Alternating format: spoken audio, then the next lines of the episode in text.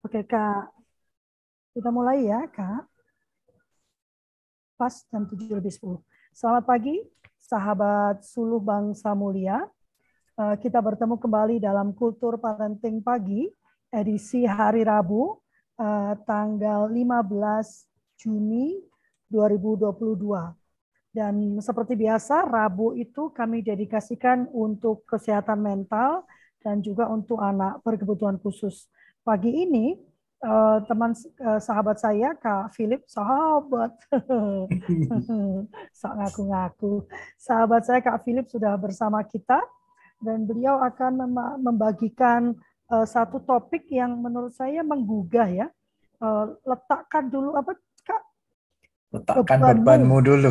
Waduh waduh waduh waduh waduh waduh ya. Letakkan bebanmu dulu. Ini juga kemarin waktu saya dimintai pendapat tentang apa um, pranikah itu kak ya hmm. uh, saya bilang yang pertama di yang pertama diajak ngomong ya beban-bebannya dulu luka-lukanya dulu diajak ngobrol baru bicara tentang masa depan masa kini dan masa depan dan pas banget Pak Kak Philip lalu menyampaikan topik tentang letakkan bebanmu dulu karena saya rasa nggak akan bisa kita menemani anak-anak apabila kita masih penuh dengan luka ya. Saya yeah. mengingatkan pada teman-teman bahwa kultur parenting pagi ini disiarkan langsung lewat YouTube dan apabila Anda mau menonton nanti bisa ditonton lagi dari YouTube atau didengarkan lewat Spotify dengan channel yang sama Kultur Parenting. Bagi Anda yang mau mendukung kami silakan bergabung dengan Suluh Keluarga hanya dengan 150.000 per tahun. Anda mendapatkan 12 kali 12 pertemuan parenting ya dan bila ikut 8 kali per bulannya maka Anda mendapatkan sertifikat bulanan dan juga 20% eh, diskon untuk pelatihan yang kami kerjakan. Dalam waktu dekat pelatihan yang kami kerjakan adalah pelatihan untuk coaching bagi orang tua dan juga guru. Silakan Kak Philip. Oke, terima kasih Kak Lovely. Iya, waktu Kak Lovely tanya sama saya mau ngomong apa, itu sempat bingung juga. Tapi memang kebetulan anehnya dalam seminggu ini pertanyaan-pertanyaan yang timbul di sekitar saya itu ya urusannya itu. Ini saya orang tua saya maksa saya harus kerja yang ini supaya bisa uh, pasti masa depannya. Malah sampai dibilang kamu mau makan apa kerja kayak gitu itu. Nah, ini kan standar banget ya buat orang-orang tua ya. Uh, dan konfliknya memang banyak di sekitar itu. Makanya kenapa saya angkat topik ini karena ya kenyataan di lapangan seperti itu sampai sering menimbulkan konflik yang uh, sampai anaknya nggak benar-benar nggak mau ngomong sama orang tuanya lagi gitu loh. Nah itu. Maka kenapa saya mau fokus ke taruh bebanmu dulu karena apa? Ada sekian banyak beban mental yang dari hasil kita kan orang yang sudah katakanlah saya sama Kak Lovely udah di sekitar 40-an hampir 50 ya. Itu sudah meterannya sudah jalan odometernya sudah jalan jauh itu. Jadi ya sudah kalau umumnya mobil gitu sudah mengalami sekian banyak berat-berat, sekian banyak uh, penyok-penyok gitu ya karena sudah perjalanannya memang udah jauh. Nah itu kadang nggak disadari gitu loh, diri di, dibiarkan begitu saja tanpa tahu bahwa itu sudah mempengaruhi pilihan-pilihan kita. Nah, kadang itu pilihan tentang apa yang harus dilakukan anak, apa yang harus dikerjakan anak, terus pilihan tentang uh, nantinya anak tuh konsep anak berbakti pada orang tua pun sebetulnya kan juga bagian dari ketakutan itu gitu. Nah, oke. Okay. Uh, eh, sering kali trigger pertamanya itu adalah ketika anak cerita tentang pekerjaannya nggak dipahami ortunya, terus tentang masa depannya jauh dari rancangan ortunya. Yang paling sering kedengaran kalau orang tua yang anaknya remaja sekarang ini, kamu ngegame terus, gimana nanti masa depanmu? Nggak tahu kalau anaknya ternyata sudah jadi profesional gamer menang di turnamen internasional segala macam yang penghasilannya sudah jauh lebih gede daripada orang tuanya atau kamu ini uh, malam begadang, siang tidur, kapan mau kerjanya nggak tahu kalau anaknya ternyata memang freelancer yang kliennya di Amerika yang jam bangunnya malam. Itu. Dan itu sesuatu yang nggak nyambung gitu ya. Nah, di balik itu, kalau dalam model NVC, kita selalu melihat, ini kan perasaan ya, rasa takut ini ya rasa takut, rasa marah, cemas. Nah, di baliknya itu apa? Gitu loh. Kalau kita lihat tanda bahayanya ya, biasanya kata-kata yang keluar tuh kan, kamu makan apa dari kerjaan kayak gitu? Mau jadi apa kamu tuh? Terus, mana ada yang mau nikah sama kamu kalau kayak gitu? Gitu kan. Itu terus itu tanda bahaya sebetulnya Zidan. Karena apa? Karena itu menunjukkan kegalauan, kecemasan, ketakutan yang sebetulnya ada urusannya itu ada di diri kita sebagai orang tua. Bukan kita mengkhawatirkan tentang anaknya, tapi lebih ke kita sendiri yang sedang khawatir gitu loh tentang diri kita. Dan kalau mau dipetakan di balik rasa-rasa tadi, cemas, khawatir, marah, takut, marah itu di, di, yang ditimbulkan oleh rasa takut di dalam hal ini ya, rasa takut, cemas. Range-nya semuanya ada pada kecemasan, kecemasan tentang masa depan.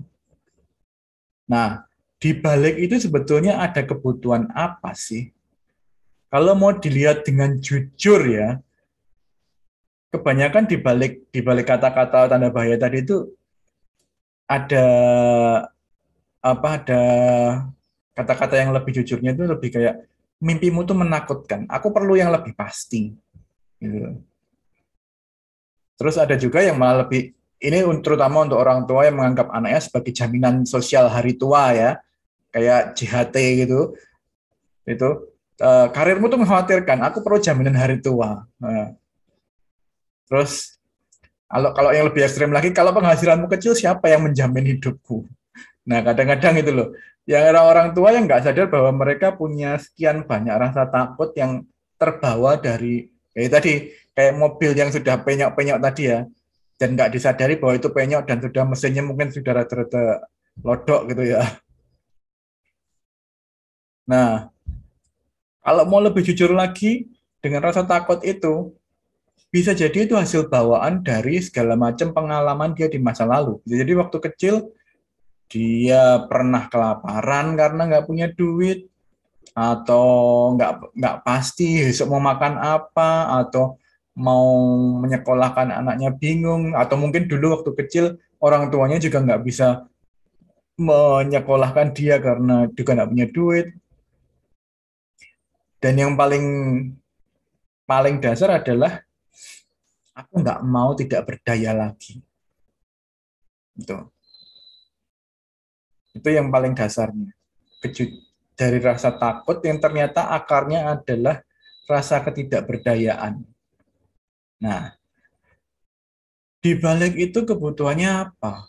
Kalau kita mau lihat, jelas ada kebutuhan akan rasa aman, ada kebutuhan akan kepastian, ada ada kebutuhan akan uh, apa security, eh, physical security yang pasti-pasti kebutuhan fisiknya.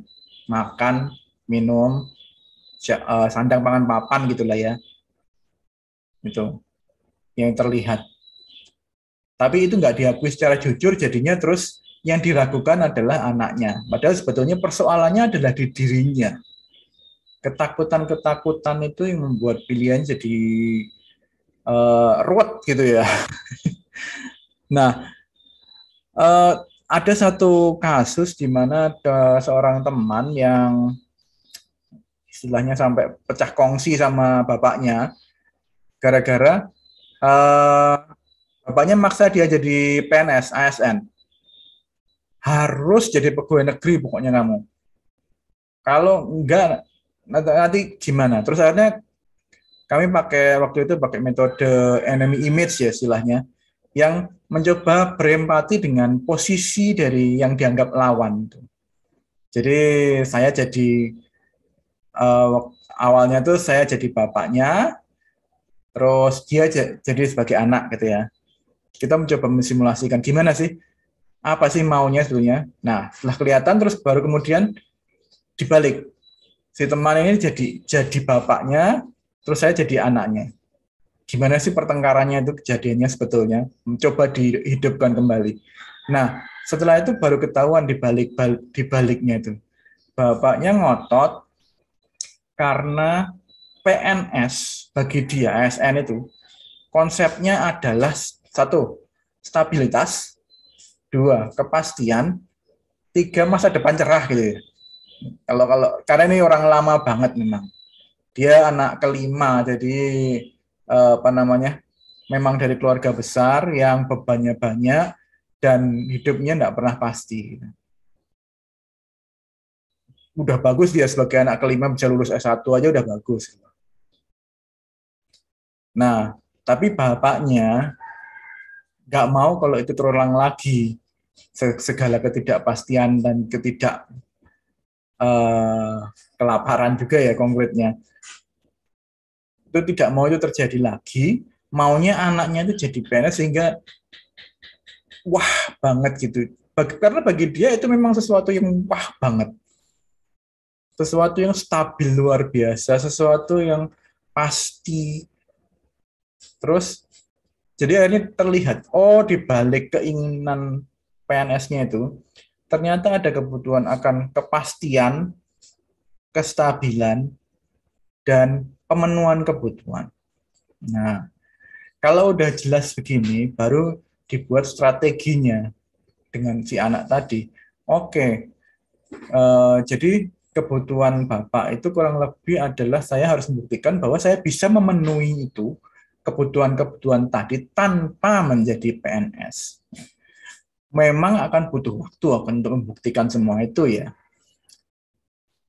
Tapi memang ini sesuatu yang sudah terlanjur masuk di pikiran bapaknya bahwa PNS itu mem mem mewujudkan kebutuhan itu gitu loh. Dia tidak punya tidak punya persentuhan dengan pekerjaan lain yang bisa memenuhi kebutuhan itu dengan jelas. Nah, baru ketika anaknya sendiri jelas dengan kebutuhan bapaknya kayak apa, terus ketemu dengan kebutuhannya dia, baru mereka mulai bisa ngobrol lagi. Gitu. Ya panjang prosesnya emang, karena dia harus membuktikan diri dulu bahwa dia bisa kelihatan uh, stabil, mantap, dan uh, masa depan cerah gitulah ya. Dan itu membuktikannya butuh waktu. Gitu. Dan jelas bahwa ketika bapaknya mengutuskan sesuatu ini, ini kan kebawa beban lama gitu ya beban-beban lama yang terus keputusannya jadi kayak kayak apa? Setir kalau mobil nyetir gitu kan kalau banyak satu nggak nggak setel gitu ya kan sering ikut belok gitu kan. Nah ini kayak gitu itu. Beloknya ke mana-mana gitu loh. Karena ada hal-hal yang tidak disadari bahwa ternyata dia nggak lurus-lurus banget banyak itu. Ada kecenderungan untuk belok ke sana karena ada beban masa lalu yang lupa digarap. Nah itu. Sa sesi yang bulan lalu ya, Love ya kalau nggak salah ada kakak kak siapa Vivi itu cerita juga hal yang sama gitu loh. Tapi uh, bukan dari segi ininya, lebih ke tentang keinginan masa lalu yang belum belum jadi. Nah ini kan ini kan yang lebih lebih basic lagi malah gitu. rasa takut akan survival gitu ya kasusnya di sini. Tapi nggak disampaikan secara jujur karena mungkin hal itu dianggap uh, nggak perlu diomongkan lagi. Padahal justru yang perlu diomongkan itu justru ketakutan-ketakutan dasarnya ini gitu loh. Itu yang nggak secara jujur diomongkan, tapi justru yang dianggap pokoknya kamu harus PNS. Nah, padahal itu kan strategi gitu loh, bukan kebutuhan dasarnya. Kebutuhan dasarnya apa sih? Nah, itu loh. Yang perlu digarap dan ditemukan. Gitu dari saya. Gimana? Teman-teman, ada pertanyaan atau mungkin ada kasus mungkin yang mirip-mirip seperti itu? Obsesi PNS tadi. Tapi ini eh, menarik ya, karena waktu anakku yang besar itu uh, mau mengundurkan diri dari pekerjaannya gitu ya, hmm. uh, dia kan minta pendapat ya. Salah satu pertanyaan dia itu menarik dia bilang ini, tapi mah nanti kalau aku nggak punya pendapatan tetap terus gimana? Maksudnya ya nanti kalau kan mama sedang tidak ada pekerjaan tetap, nanti bagaimana uh, kalau kalau aku nggak bisa uh, kemungkinan ada masa-masa di mana aku nggak bisa sokong dia gitu kan. Jadi sebetulnya yang mau saya sampaikan soalnya anak-anak itu tanpa kita menuntut dia sebetulnya sudah punya pemikiran gitu ya. Jadi nggak hmm. perlu dituntut-tuntut gitu menurut saya ya. Ada pertanyaan kah uh, dari apa yang disampaikan? Apakah uh, kesentil ataukah uh, pernah mengalami uh, apa hal-hal yang sama gitu ya? Betapa kita meletakkan beban masa lalu kita gitu ya. Uh, walaupun untuk kebaikan ya. Misalnya kan tadi bapaknya tidak mau anaknya mengalami kehidupan yang tidak stabil gitu ya karena hmm. masa lalunya tuh dia sangat struggling dengan kestabilan ekonomi gitu ya atau atau tidak ingin tidak dihormati karena tidak kelihatan kerja gitu kan kayak saya ini pekerja-pekerja freelance kayak saya ini kan uh, kayak kayak nggak pernah kerja aja gitu kan seolah-olah kayak pelihara babi ngepet gitu kan. Tapi padahal sebenarnya di balik itu kita bekerja mati-matian. Apakah ada yang mau bertanya? Ayo Kak Vivi Kak Made Kak Isti. Ah Kak Vivi silakan Kak Vivi. Uh, iya. Uh, nah, Kak Vivi nih. Lalu menarik memang Kak Philip. Jadi ada di kami sekali kekhawatirannya begitu tinggi sekali. Kalau yang kemarin saya pernah cerita yang kecil ya kak, yang mau uh, dijadikan pebasket istilahnya, karena bapaknya Nah, yang pertama, anak yang pertama uh, ada masalah lagi dia mau kuliah nanti mungkin sekitar uh, Agustus ya, mulai persiapan kuliah. Hmm. Dan sekarang ini anaknya memang introvert. Ya, saya katakan introvert karena memang dia bukan tidak bisa bicara, bukan tidak mau bicara, tapi memang dia memilih untuk diam. Jadi bicaranya pelit, misalnya begitu. Hmm. Nah, keadaan sekarang dia belum bisa naik motor. Dia cowok ya. Belum bisa naik motor, tidak pernah keluar-keluar rumah juga, tidak pernah melakukan apa-apa. Nah ini bapaknya khawatir banget gitu loh. Kamu kok nggak bisa naik motor? Ayo harus naik motor sekarang. Ayo belajar. Nah, bapaknya selalu maksa. Ayo tak ajarin, tak ajarin. Tapi uh, saya ibu mungkin mengerti bahwa uh, hubungan memang saya akui hubungan dia dengan bapaknya nggak dekat.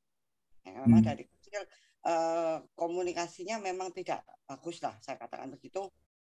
Jadi uh, bapaknya itu memaksa seperti itu. Kalau dipaksakan untuk ikut uh, istilahnya belajar motor dengan bapaknya, saya tahu pasti dia nggak mau karena cenderung disalahkan terus pastinya begitu dia uh, lebih baik daripada begitu dia menghindar kemudian dia ini anak kok nyata banget sih nggak punya greget nggak punya begini dia selalu bingung begitu ini nanti kuliah gimana kuliahnya di Surabaya jadi beda uh, mungkin beda kota aja tapi uh, cukup anu uh, sekitar satu jam setengah lah paling nggak dari tempat saya tinggal saya cuma bilang gini sama bapaknya saya tenangkan dulu saya bilang kamu nggak usah bingung. Dia pasti sudah tahu apa yang dia putuskan. Hanya dia belum bisa mengungkapkan. Saya bilang begitu. Saya cuma ngasih arahan ke yang sulung ini. Kamu tahu loh ya apa yang kamu harus lakukan. Kamu tahu resikonya. Saya kasih gambaran. Kalau kamu nggak bisa naik motor, kamu harusnya memang kos. Saya bilang begitu. Hmm. Ya, dekat tempat kos. Oh, kalau masalah biaya pasti ada, tetapi itu konsekuensi dari kami. Saya bilang begitu. Kamu nggak usah pikir itu. Ya kalau kamu nggak mau kos, kamu gerak sendiri. Kamu harus, kamu yang paling tahu apa yang harus saya lakukan, kamu lakukan. Itu yang mungkin gambaran saya. Apakah memang ini benar sikap saya seperti ini?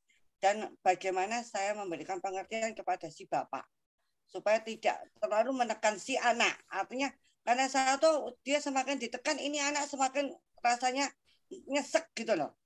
Karena anak ini introvert, dia nggak nggak mudah mengatakan aku tuh maunya begini bahkan kalau dia ngomong cenderung ngomongnya sengit jadi memang nggak bisa ngomong yang enak itu enggak komunikasi bagi dia dua arah memang terjadi gitu loh sama si bapak begitu kak Philip mungkin ada hmm. masukan bagi kami orang tua bagaimana supaya memang jujur saya juga apa khawatir saya juga uh, was-was ini anak bagaimana nanti karena sudah Juni mau Juli ini harus sudah ospek apa hmm. yang kami lakukan untuk menghadapi masalah yang sekarang ini. Ya, Kak Philip, terima kasih. Iya, uh, perta pertanyaan yang mendasar mungkin Kak Vivi ya. Bapaknya khawatirnya apa sih sebetulnya gitu loh. Itu yang perlu di ini perlu diperjelas dulu itu.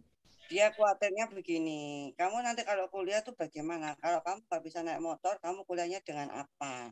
Terus kamu tuh cowok, harusnya kamu kan bisa melakukan bisa naik motor, bisa naik mobil gitu loh. Artinya kekhawatirannya dia tidak bisa hidup mandiri. Ya, gitu loh. Jadi menjadi kekhawatiran. Tapi kalau saya, saya uh, karena memang saya berusaha, memang saya khawatir tapi saya cuma ngomong sama dia, kamu tahu apa yang harus kamu lakukan. Dan hmm. saya berserah. Ya sudah, nanti pasti ada jalan lah. Untuk mentok di sini, dia tahu itu saya, berarti saya begitu. Hmm. Cuma yang menjadikan problem saya, saya jadi bingung. Ini bagaimana dua orang ini kan terjadi selalu saya di pada posisi di tengah, saya didesak.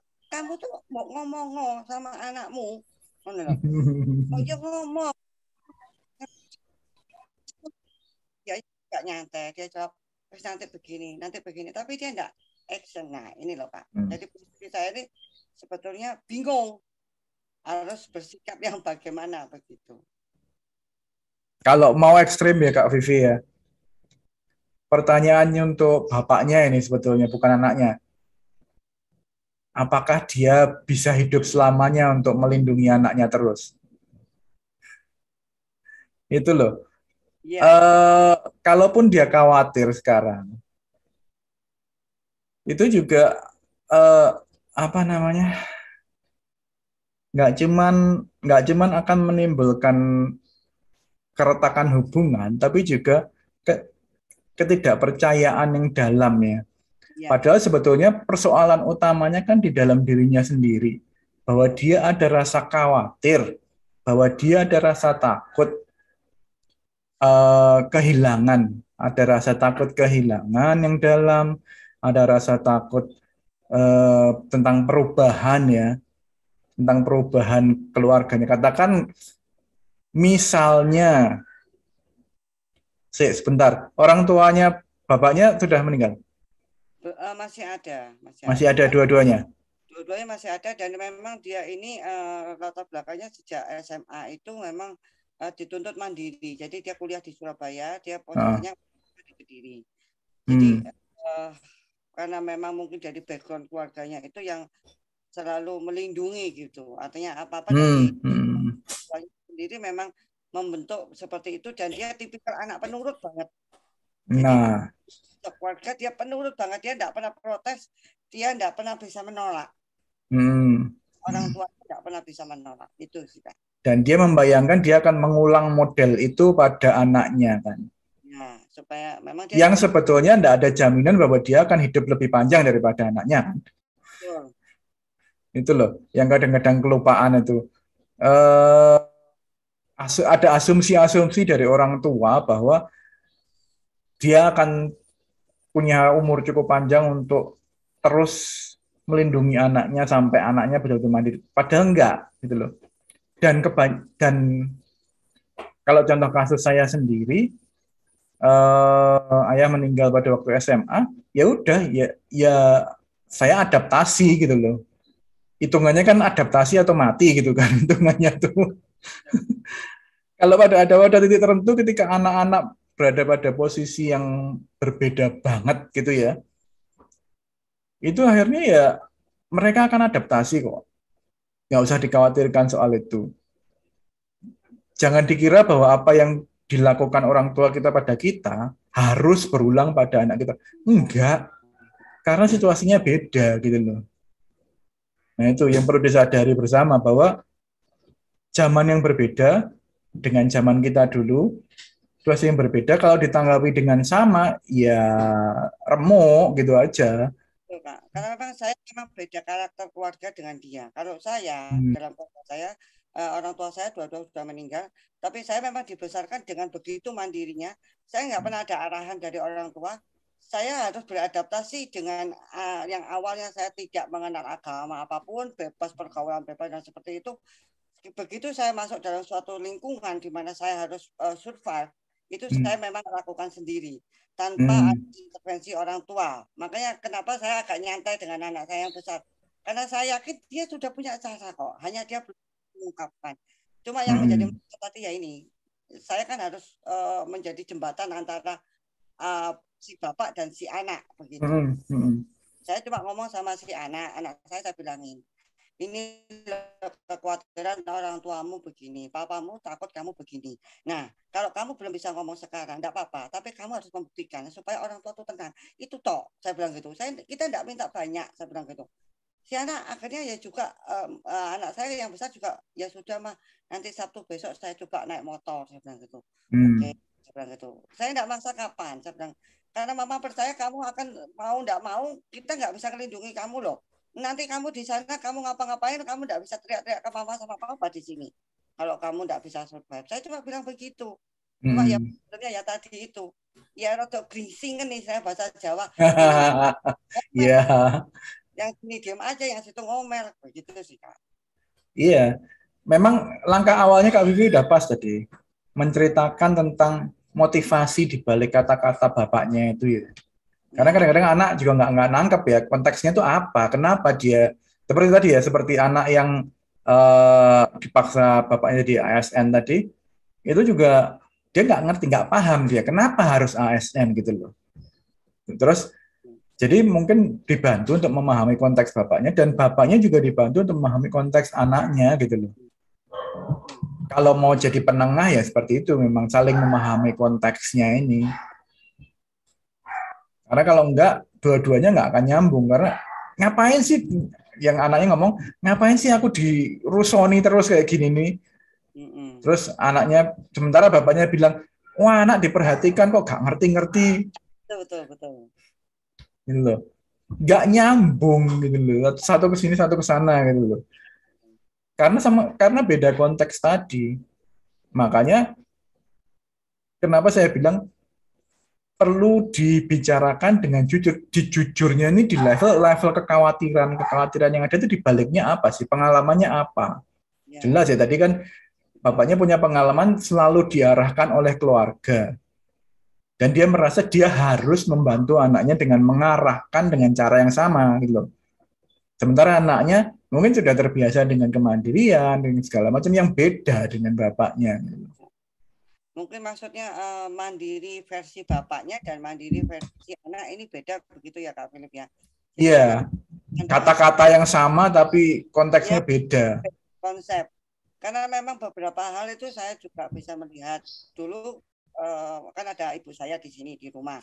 Sekarang hmm. murni mereka berdua anak saya ini tanpa ada orang tua. Saya saya papanya dan saya bekerja.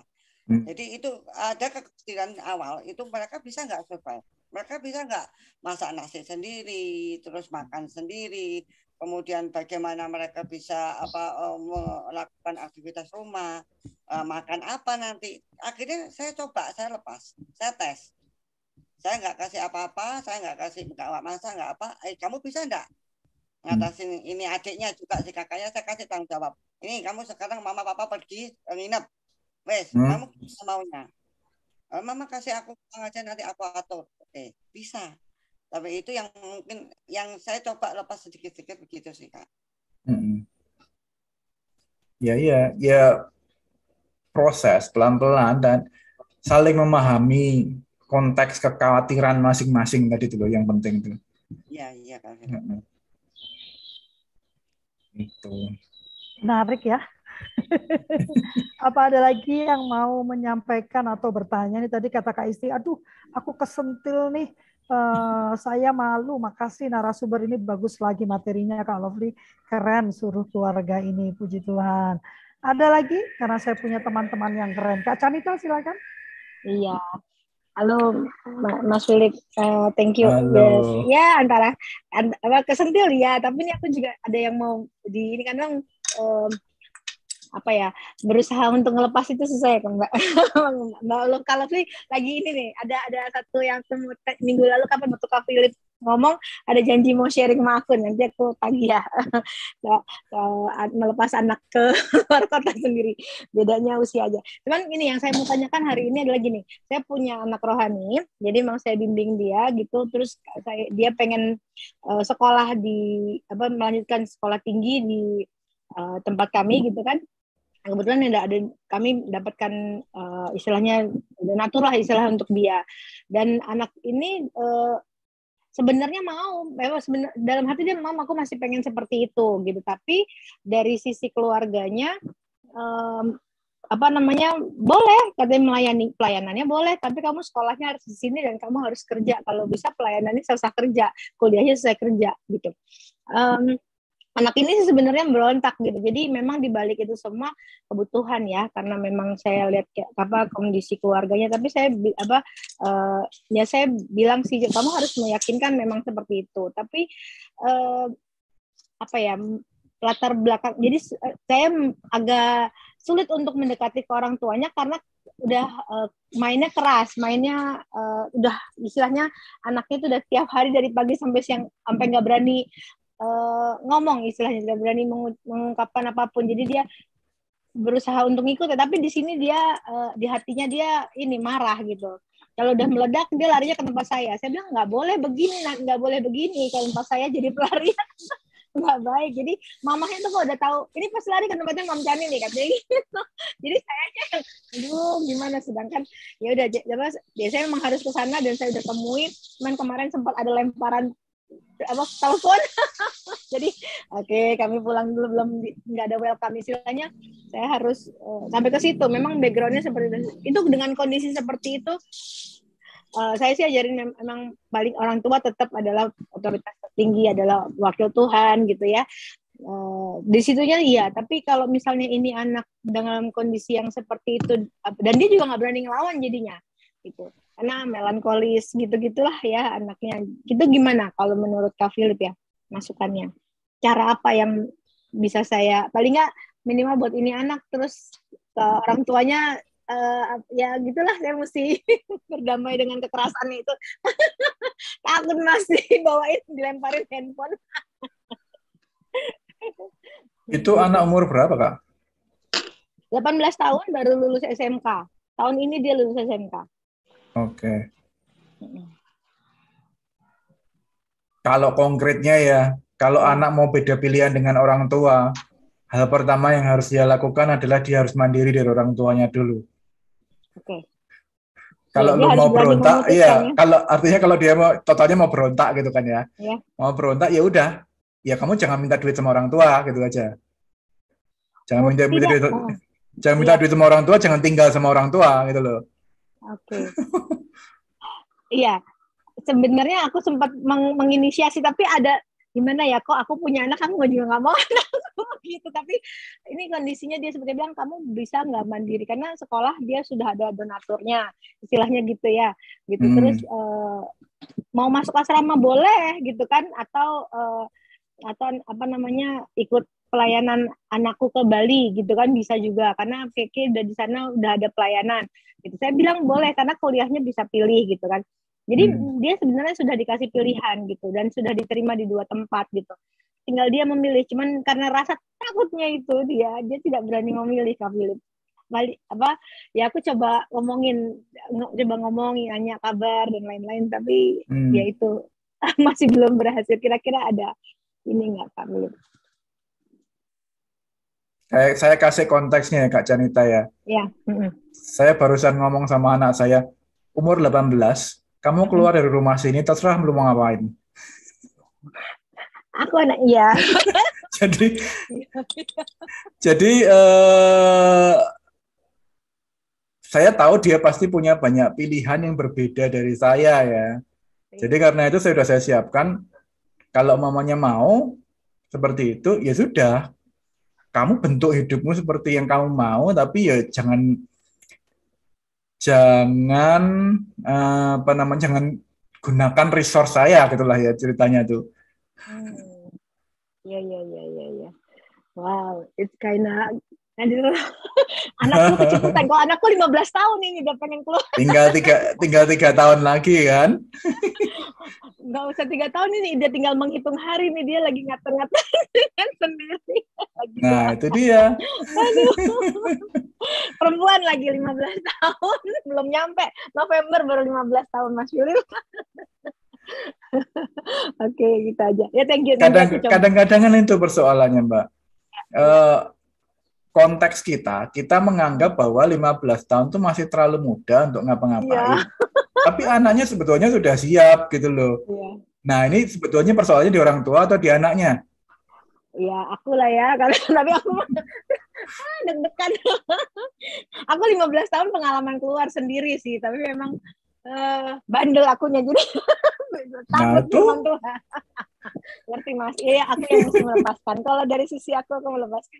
Aku mesti belajar sama kalau ini untuk lebih ya tapi ya itu jadi aku dari sisi ke anak apa ke anakku yang anak rohaniku ini eh aku aja belum begini jadi ayo udah tapi ini pilih baik begini ya gitu saya bilang apa eh, coba kamu untuk memilih baiknya gimana tapi memang usianya lebih besar kan 18 tahun tapi oke okay, peneguhan aja jadi saya bisa nggak salah paling tidak kemarin kasih inisiasi dia gitu nggak salah itu sih Kak Philip thank you Kak Philip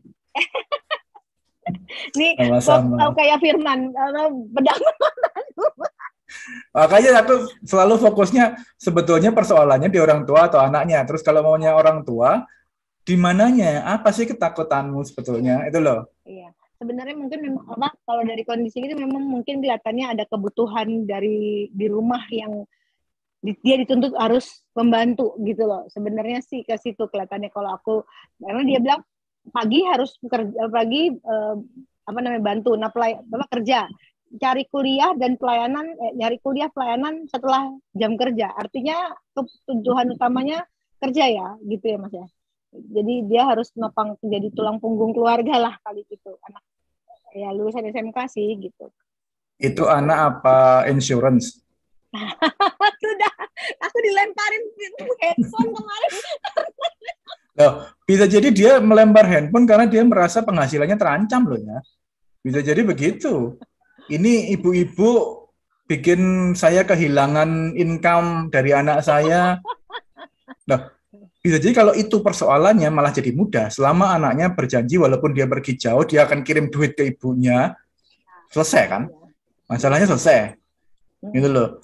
Iya, Tapi iya, iya. kalau umumnya umumnya udah pergi jauh, nggak ada kabar, nggak ada duit datang, kan lebih remuk ya. lagi hidupnya dia, betul, hidup yang betul, sudah betul. direncanakan tadi. Nah, saya tidak membenarkan bahwa ada ya. kalau orang tua menjadikan anaknya sebagai apa jaminan hari tua ya. ini nggak nggak benarkan ya, tapi ya. ada orang tua yang seperti itu dan mungkin itu bagian dari rencana dia perlu dipahami itu gitu loh. Iya, iya. Nah itu yang kadang nggak diomongin. Pokoknya kamu harus di sini harus kerja, nggak boleh pelayanan, nggak boleh apa. Pokoknya mesti bikin duit buat keluarga. Yang kedengaran itu gitu loh. Iya iya iya. Tapi dibalik iya, itu apa? Dibalik dibalik kata-kata keras tadi, dibalik lemparan HP tadi ya, dibalik lemparan HP tadi apa sebetulnya gitu loh? Ketakutannya apa? Ketakutan akan kelaparan mungkin, ketakutan akan kehilangan penghasilan mungkin kehilangan ya. support dengan anaknya iya. nggak ya, tahu ya itu yang perlu iya. ditanyakan di ditelusuri ya, ya. Okay. lagian kan intinya pelayanan kan di situ memahami orang lain tuh betul Iya, terus aduh bingung juga. Kemarin ya banyak lah coba coba tuh di SMK kelas 3 pun saya juga dapetin untuk yang bayarin sekolah gitu kan cuman anaknya nolak. Tapi tapi apa namanya uh, dia dibayarin sama bapaknya. Bapaknya terpisah sih memang. Jadi memang banyak lupa sih memang ibu. Jadi anaknya dikirimin ibunya nggak dikirimin. Untuk padahal anaknya dikirimin juga langsung bayar ke sekolah. Mamahnya marah-marah aduh katanya. Nah kan. Ada banyak masalah ternyata kan? Iya betul betul. Dia kayak situ jadinya aduh bilang ya intinya saya bilang ya udah nanti kita apa ya saya ngatur waktu lagi lah uh, untuk ketemu keluarganya untuk ketemu mamahnya paling gak jelasin lagi kalau memang hmm. mau apa pelayanan ke Bali bagaimana nih. Soalnya anak apa ya gitu. Anaknya takut takut gitu. Tapi tiba-tiba nongol. Nih nggak tahu nih hari ini katanya mau ke sini tapi saya bilang beresin coba. Beresin dulu. Yang yang di rumah supaya nggak kalau pergi jangan nggak kabur kayak lagi marah-marah di rumah terus ke rumah saya lagi gitu. Gitu hmm. sih. Oke okay, itu aja sih kami thank you thank you banget. Thank you kalau free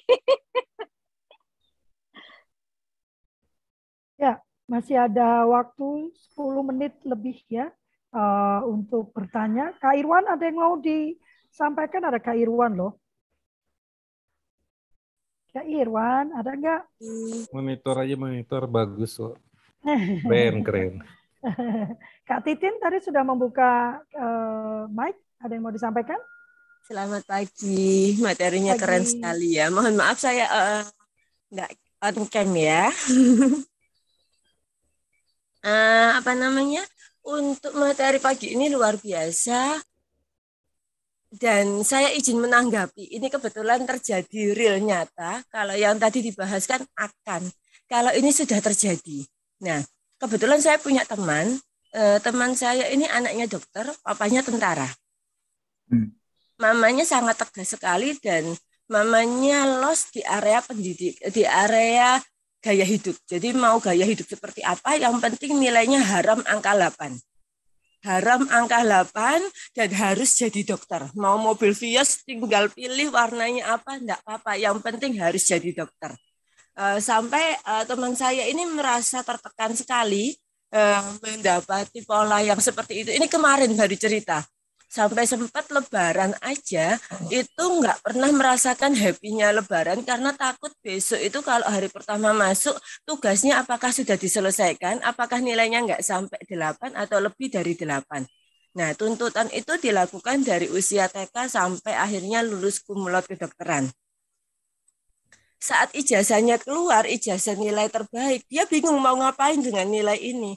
Karena selama ini nggak pernah merasakan yang namanya bermain, yang namanya uh, berteman dengan teman-teman, yang namanya menikmati hidup dengan bahagia itu nggak ngerti rasanya.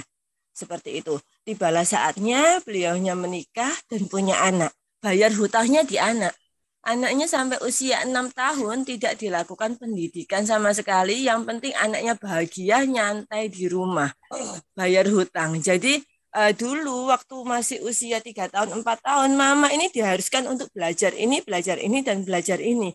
Anakku enggak karena rasanya enggak enak, nak. Ya sudah, ke bawah arus sehingga anaknya sampai sekarang mengalami keterlambatan bicara dan ada faktor-faktor yang uh, apa namanya ya ada komorbid lain seperti itu karena pola hidup yang kurang tepat sehingga anaknya terbiasa hidup sendiri mempunyai dunia sendiri seperti itu. Nah, uh, kalau yang dibahas pagi ini kan dampaknya di anak nanti ke depannya. Ini dampak yang sudah terjadi di anak-anak yang sudah mengalami cara pendidikan yang seperti itu haram angka 8 harus jadi dokter. Bahkan kakaknya keterima di ITS beasiswa itu sempat diusir dari rumah. Ini loh anak yang dapat beasiswa ITS diusir dari rumah itu hanya aku. Sampai kakaknya bilang seperti itu. Karena konsep mamanya karena mama dokter anak-anak mama harus jadi dokter semuanya. Untuk regenerasi nah tuntutan hutang bukan hanya membayar hutang tapi untuk regenerasi seperti itu. Keterima di ITS saja diusir dari rumah. Untungnya papa backup uh, dengan biaya hidup kosnya dan lain-lain. Dan kakaknya sekarang berhasil seperti itu. Jadi orang sukses itu pun masih ada riwayat diusir dan tidak diterima di rumah. Iya, jadi kita belajar dari pengalaman. Ternyata ada uh, hutang pendidikan atau tuntutan orang tua yang luar biasa terhadap anak sampai anak ini bingung. Nah, karena dia fasilitasnya sudah terpenuhi semua dari usia dini sampai besar tidak pernah kekurangan apa pun saat jadi dosen dan jadi dokter sekarang ini uh, beliau ini sering ditipu oleh banyak orang karena begitu percayanya. Selama ini kan kebutuhannya tercukupi semua. Dia merasa hmm. lingkungannya baik semua seperti itu. Jadi baik secara finansial maupun yang lain beliau ini sering kali ditipu oleh orang lain. Ya sedikit sharing seperti itu. Ternyata oh. dampak dari itu semua luar biasa Uh, semoga kita semua bisa menjadi orang tua yang lebih baik daripada orang tua zaman dulu. Walaupun kita nggak bisa memilih lahir dari rahim siapa, yang pasti ilmu semakin meningkat dan kita bisa hmm. menjadi lebih baik. Terima kasih. Hanya izin sharing. Wih, jadi tingkat tingkat kerusakannya sudah multi generasi ya. Ya. Hebat ini. Dan ini yang yang perlu disadari dengan orang tua gitu kan ya. Eh, kerusakan tuh kebaikan tuh kalau diturunkan satu kali, keburukan kalau diturunkan itu lipat-lipat ya, bukan jadi kalau misalnya eh, kebaikan kita berbuat baik, eh, anak berbuat baik meniru satu-satu gitu ya. Tapi pada saat kita menurunkan kebencian, misalnya saya membenci Kak Philip gitu ya, maka yang hmm. dirasakan anak itu menjadi lipat-lipat, bukan satu kali kebencian. Itu yang mesti diingat ya. Waduh, ada in, ada yang mau disampaikan Kak Philip terkait tadi? Ya itu, uh, ini sebetulnya terkait dengan pertemuan yang bulan lalu ya, hmm. yang living vicariously itu, hmm. minjem anak untuk memper, memper, membayar masa lalu itu loh Nah, itu yang kadang-kadang jadinya kelihatannya baik ya. Kelihatannya hmm. berbuat kebaikan tapi sebetulnya niatannya adalah membalas dendam masa lalu. Hmm. Itu yang lebih ruwet lagi urusannya itu. Dan memang ya tadi sudah Kak Titin bilang efeknya juga jadi jelek buat anaknya kan. Hmm. Sama jeleknya dengan pressure yang diberikan orang tuanya dulu sama dia gitu Itu yang lupa uh, sering lupa bahwa side effect-nya ini panjang gitu Ya kita masing-masing memang nggak akan bisa melihat konteks besar ya. Katakanlah mata yang apa istilahnya mata seribu tahunnya dulu yang itu konteksnya. Tapi paling tidak kita bisa melihat lah bahwa ketika apa yang kita contohkan itu begini dan anak menirukan nanti konsekuensinya kayak apa? Gitu itu ya. Ya. Aduh agak bergidik ya uh, uh, ya itu aku langsung bayangkan memperbaikinya itu setengah mati itu. Iya, iya. dan uh, celakanya itu kebanyakan dari kita uh, melihat parenting itu sebagai sebuah uh, apa uh, uh, sesuatu yang natural gitu ya bukan sesuatu yang perlu kita pelajari dan unlearn, learn and unlearn sebetulnya itu kan. Uh, dalam proses parenting saya sendiri juga ada hal-hal yang saya unlearn ya sesuatu yang saya lihat dari orang tua saya yang tidak kemudian saya saya hapus dari memori saya gitu kan dan tidak saya masukkan ke dalam uh, proses parenting kami gitu ya parenting saya gitu ya hmm. uh, Kak Philip mungkin ada penutup ini sudah mau jam 8 ya tadi uh, seperti Kak Lovely bilang ada proses learn and unlearn itu ya.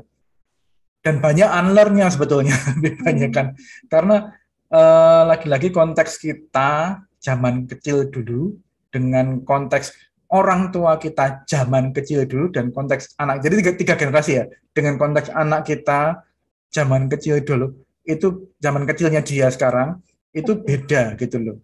Jadi mau nggak mau ada hal yang sudah nggak kontekstual dipakai lagi dan kita harus unlearn bahwa oke okay, yang ini nggak bisa harus ada strategi baru yeah. tapi mesti dipahami kebutuhan di baliknya apa kebutuhan akan kestabilitas akan ada keamanan akan ada kehangatan mungkin tapi kalau ke kebutuhan ini dipahami strateginya bisa diperjelas dan jangan mencampurkan antara strategi dengan kebutuhan.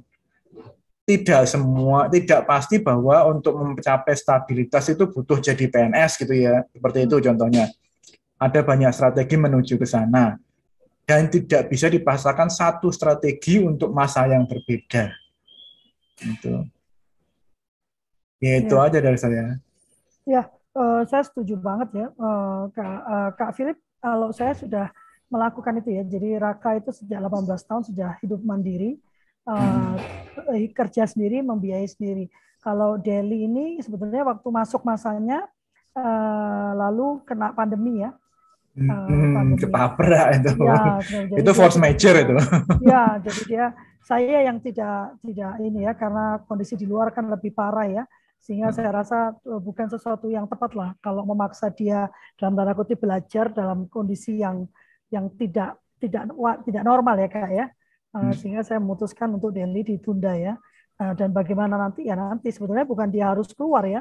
Yang saya mau mereka belajar bertanggung jawab atas dirinya sendiri gitu kan. Hmm. dan kemudian nanti atas orang-orang lain gitu kalau mereka sudah berkeluarga nanti ya. Ataupun kalaupun belum berkeluarga mereka punya rasa tanggung jawab atas orang-orang di sekitarnya. Itu yang saya mau dan.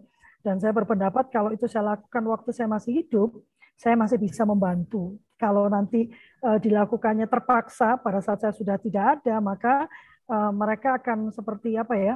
Uh, akan goyah ya karena tidak ada yang yang membantu atau atau melindungi gitu ya walaupun lebih kecontalan Iya, iya. Uh, dan bagaimana saya uh, belajar melepaskan karena saya ini ibu 24 jam Kak Philip ya. Jadi saya bukan ibu yang meninggalkan anak kerja lalu datang ngobrol lalu enggak karena saya bekerja dari rumah dan anak-anak homeschooling jadi ya 24 jam 7 hari ya. Jadi mama-mama yang benar-benar napasnya beda aja saya udah tahu gitu ya. Nah, bagaimana melepaskannya? Ya uh, memang harus latihan gitu ya. Untuk saya tidak menelpon Raka tiap hari itu ya memang butuh latihan yang luar biasa ya. Untuk percaya bahwa dia baik-baik saja itu juga juga latihan yang luar biasa. Memang harus dilatih gitu ya. Uh, dan saya sepakat dengan Kak Philip bahwa karena secara budaya anak itu adalah kepemilikan, maka ada kewajiban-kewajiban yang melekat gitu ya pada anak-anak tersebut ditambah dengan kesukaan kita untuk menggunakan jargon-jargon yang menguntungkan bagi kita ya Kak Philip ya. Kalau bicara tentang ayat, kita pilih ayat yang menguntungkan buat kita gitu kan. Ayat yang mengatakan anak harus menghormati orang tuanya. Tapi kita lupa pada ayat-ayat yang juga mengingatkan kita tentang kewajiban-kewajiban kita, ya. Mm. Jadi ini yang yang sering kali menjadi perdebatan kalau kalau antara orang tua gitu kan. Uh, dan ternyata juga kita belajar dari Kak Philip bahwa dalam rangka kita uh, menjamin hak anak gitu kan? Tadi kan Kak Afri bicara tentang hak anak ya bahwa dia punya hak atas hidupnya sendiri dia punya hak atas kemauannya sendiri. Tetapi dalam rangka menyampaikan itu kita tidak kemudian mengabaikan hak orang dewasanya. Tadi Kak Philip mengatakan hmm. perlu digali dulu apa yang menjadi kecemasan orang dewasanya apa yang menjadi penghalang atas pemenuhan hak anak tersebut dan juga membantu orang tua mengatasi permasalahan tersebut. Karena seperti Maslow ya akan sulit kita mengajak orang berpikir uh, tingkat uh, kritis analitis apabila dia masih di tataran berusaha memenuhi kebutuhan dasarnya. Makan besok apa gitu ya. Nah, makanya tugas negara kan menjamin kesejahteraan warganya supaya warganya bisa berpikir cerdas gitu ya. Kalau masih berpikirnya ma makan melulu ya uh, sulit orang berpikir uh, di tataran yang lebih tinggi gitu ya Kak Filip ya. Jadi jangan khawatir untuk membicarakan hak anak, jangan khawatir untuk memperjuangkan hak anak karena di dalam perjuangan terhadap hak anak itu kita sebenarnya juga berusaha memperjuangkan hak orang dewasa sehingga orang dewasa bisa melakukan tugasnya melindungi hak anak-anak. Terima kasih Kak Philip. Uh, kita akhiri dulu uh, pagi ini ya dan hari Jumat kita akan bertemu dengan Teh Yanti. Teh Yanti akan berbicara tentang teknik memuji. Ya, nah, ini minggu ini agak sambung menyambung ya. Kak Deli, adakah Kak Deli kasihan dari tadi kelempar-lempar Kak Philip uh, apa uh, IndiHome di rumah saya sedang bermasalah. Padahal saya harus pergi pagi, jadi dia harus mengatasi IndiHome uh, hari ini. Yuk kita pasang hatinya dan kita berfoto. Satu, dua, tiga. Silakan. Hai Kak Diana. Sudah belum juga dipasang hatinya kok udah aja. Lagi satu dua tiga. Dah. Oke sudah. Ya, uh, Hai Kak Dani. Ya, saya mengingatkan kembali pada teman-teman untuk bergabung dengan Suluh Keluarga hanya dengan 150 ribu per tahun ya. Anda mendukung kegerakan kami dan juga mendapatkan 12 kali 12 pertemuan uh, parenting ya. Apabila 8 kali setiap bulannya Anda ikut, Anda akan mendapatkan Eh, sertifikat bulanan dan juga 20% diskon untuk kegiatan yang kami lakukan. Jangan lupa juga mengajak anak-anak untuk ikut uh, English uh, Fun English and Metaverse gitu ya. Uh, bersama dengan kami bermain di Pulau Simulasi Bencana sambil melatih bahasa Inggris ya. Silakan menghubungi Kak Deli untuk detailnya. Terima kasih banyak. Kami mengucapkan terima kasih atas kehadirannya tadi sampai 30 luar biasa ya dan kami memohon maaf apabila ada pernyataan, perkataan, sikap atau gestur yang kurang berkenan. Kami tidak ingin merendahkan, tidak ingin memojokkan, tidak ingin menghina, tidak ingin menggurui juga. Kami hanya ingin membagikan apa yang menjadi keyakinan kami dan yang paling penting apa yang juga kami kerjakan dalam kehidupan kami sehari-hari. Terima kasih Kak Philip. Jangan lupa ya selalu sediakan satu kali ya paling enggak ya untuk kultur parenting pagi.